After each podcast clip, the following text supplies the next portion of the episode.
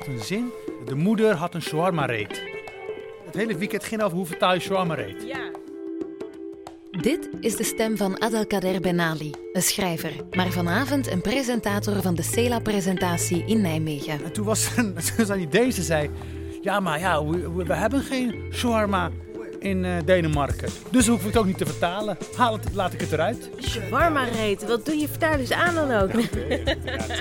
En dit is Anne Lopes Michielsen. Ze is literair vertaler van het Portugees naar het Nederlands. Ze ijvert voor de verspreiding van Portugeestalige literatuur in Nederlandse vertaling en zo wil ze auteurs een Nederlandse stem geven. Daarnaast zet Anne Lopes Michielsen zich ook in voor de zichtbaarheid van vertalers. Dat doet ze volop in het kader van het CELA-project.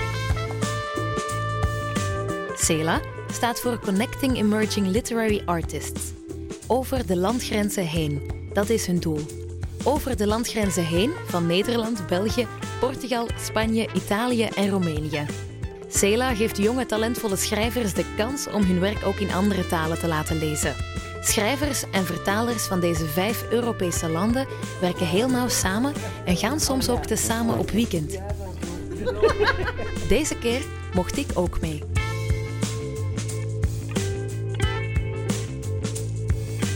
...23 november 2018 in Nederland, Nijmegen. Wit. Rebecca de Wit is een schrijfster en theatermaakster en gaat een tekst voorlezen uit de brochure van de CELA. Hou maar inderdaad maar even flink omhoog.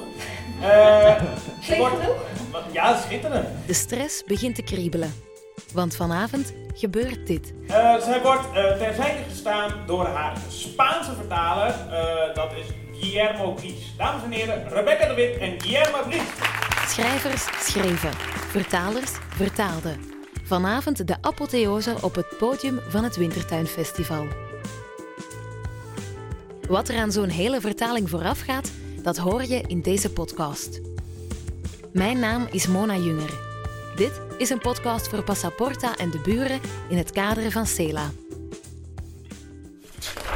Ik, ik was nooit eh, ervan bewust, eh, maar als iemand dat zegt, dan ga je denken, oké, nou, misschien is dat een goed idee. En dan als je begint dat te doen, te vertalen, dan zeg je, oké, nou, het is, het is wel misschien iets voor mij. Want je vond het ook leuk. ja, ja, ja, Ja. ja, natuurlijk. Grappig eigenlijk wel dat iemand jou dus wijst op dat je dat kan. Dat Ja. je dat, ja. Ja, ja, ja, dat je zo blind bent, eh, Ja. dat, dat je dat niet, eh, niet ziet. Drie weken was ze ermee bezig geweest. Me ha costado tres semanas hacerla En hij was net klaar voordat hij niet meer eetbaar was. y terminé justo en el momento en el que empezaba a estropearse. Ze had er een, eh, een prijs mee gewonnen. Incluso ganó un premio. En om de taart had zij een gigantische marsepeinen tuin gebakken. Alrededor de la tarta había hecho un eh, jardín inmenso de mazapán. Juist, in Mazzapan. En Ja, je bent een de- beetje een, een ambassadeur eh, van, eh, en dan presenteer je, kijk, dit, je had geen, ehm, eh, hoe zie je dat, Toegang? toegang, dank je, tot iets en nu wel. En dat is, oh, dat is toch leuk.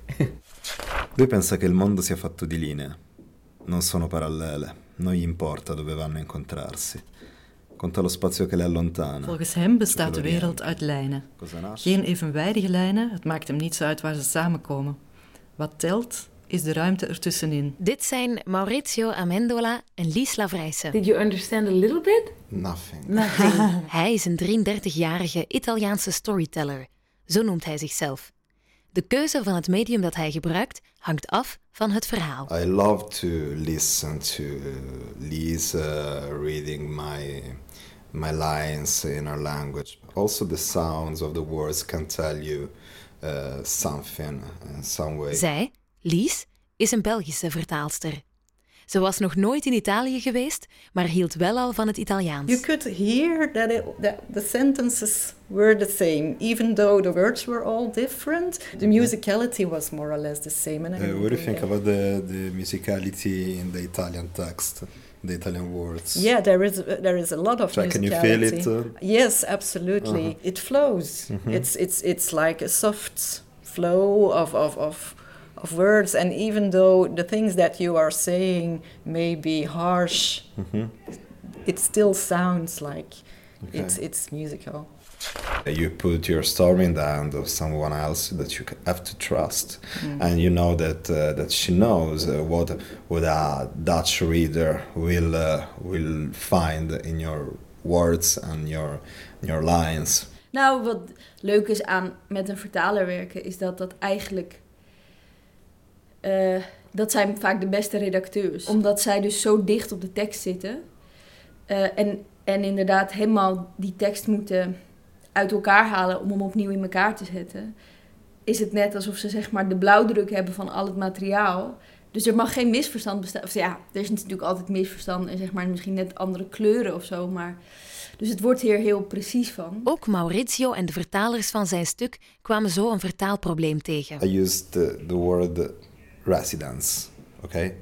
Uh, just because the story is set in a place in the south of Italy, in front of the sea, uh, where people used to live there only in the summer. Mhm. And uh, we call it residence. De Portugese, Spaanse, Romeinse vertalers en Lies, de Nederlandse, zwoegden samen op het woord residence. I don't know if Yes. you remember that moment. I do, I do, I do, because actually, so the, the, the toughest word to translate was not an Italian word, but an English word used in an Italian text. And it, because of that fact, it had a specific uh, connotation for Maurizio that we couldn't find in our own language. Because if I, I said residence, in Dutch, it's it's like not the same thing than residence in Italian, and residency was also not a possibility. Then we had residence, that sounded much too fancy.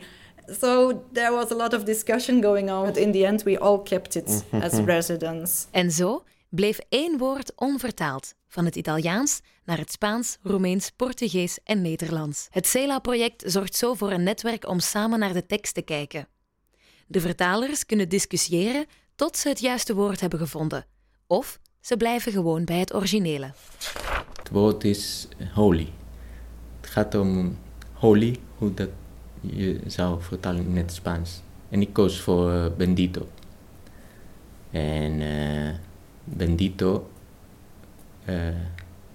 Rebecca heeft eh, het woord eh, bendito gelezen, eh, maar bendito, bendecir, bendecir, dat is wat een priest of iemand doet. Dus, eh, Zegenen. Zegenen, ja.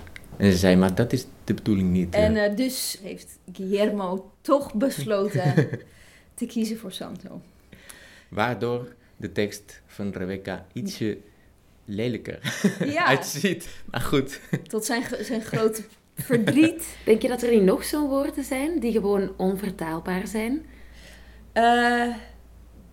Ja, het is niet, niet alleen woorden. Het is eh, gewoon... in cultuur kan je niet vertalen.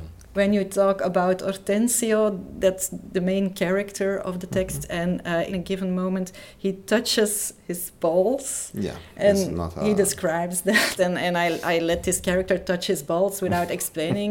then everybody would say, "Oh, what, what kind of pervert is, is, is Yeah, he? Why is he doing that? Mhm. Just in, in the street, you know? Not not." So then I, uh, in the end, I decided to just let him uh, make his, the sign of the cross on himself. So also for good luck, and it's also Roman Catholic, so that suits Italy. And then in another spot in the text, I tried to make him use a, a, lo- a little bit more vulgar word, maybe, so that it there would be a balance inside the text. That's the moment when you are happy to, to say to the translator, feel free, do whatever Mhm. you want. Ja, ik ben ook in Argentinië geweest voor Braaf dan Zee. Mhm. Dat is ook, ook bizar. Dat is, echt bi- dat is wel bizar. Dan ga je 16 uur vliegen naar Buenos Aires en dan Mhm. komt de boekenbus en dan komen er gewoon mensen die dat boek hebben gelezen en die er een mening over hebben. Ja, is toch fantastisch. Ja, waanzinnig, ja. You know, it's a good way to, to, to be somewhere else. you know.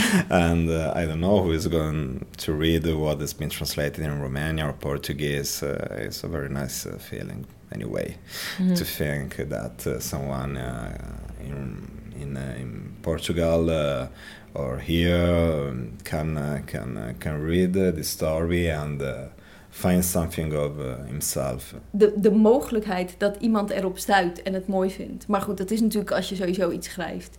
Dat iemand zit te snuisteren. en denkt, wow, wat een mooie zin. En het dan ineens ontmoet, zeg maar, de tekst. Dus de, de, de, de, de, de mogelijkheid tot ontmoeting is vergroot. De vrouw van mijn vader is Colombiaans en die kan niet goed Nederlands.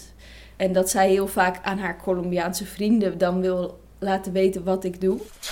Would you never want to write something? No, no, we are limited in a way because we trans we, we do we do something creative with a story that already exists. But I think that my creativity is best in that limited circumstances. And there i love to play with language and I, I, I love to find solutions for difficult translation problems. So that is what i what i really like to do.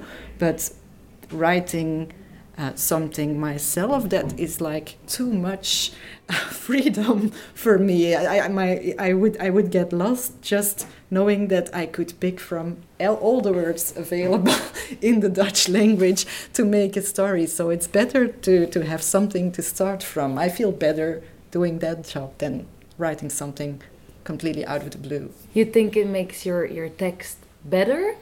Or does it lose a little magic because it's not in, in your language? I don't think it loses some anything.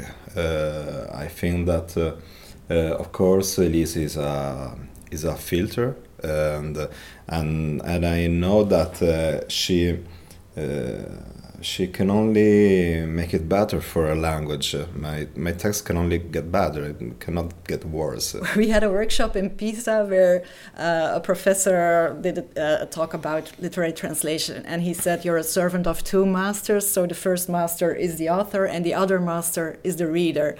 And I don't think that I uh, personally have now the text is Maurizio's and that's clear but I just do my best to do a good job to bring it to the Dutch reader even if that implies that sometimes I have to like do something more than just put one word into another language like Google Translate could mm. do. So I think that that is essential for being a translator and that knowing uh, what you can do and what you should do and knowing the difference that is it is what being a, a good translator is about and i think you should keep learning that during your whole career as a translator because a perfect translation maybe doesn't exist it changes i think En zo wil ik Lies Lavrijse bedanken, maar zeker ook Maurizio Amendola, Rebecca de Wit, Guillermo Bries Anne Lopez Michielsen, Adelkader Benali en alle anderen wiens mooie teksten en vertalingen ik heb mogen lezen. Ik wil jou heel graag ook nog uitnodigen op het Passaporta Festival in Brussel. Daarvoor moet je het laatste weekend van maart vrijhouden. Dit was Over de Grenzen, een podcast voor Passaporta en de buren in het kader van CELA.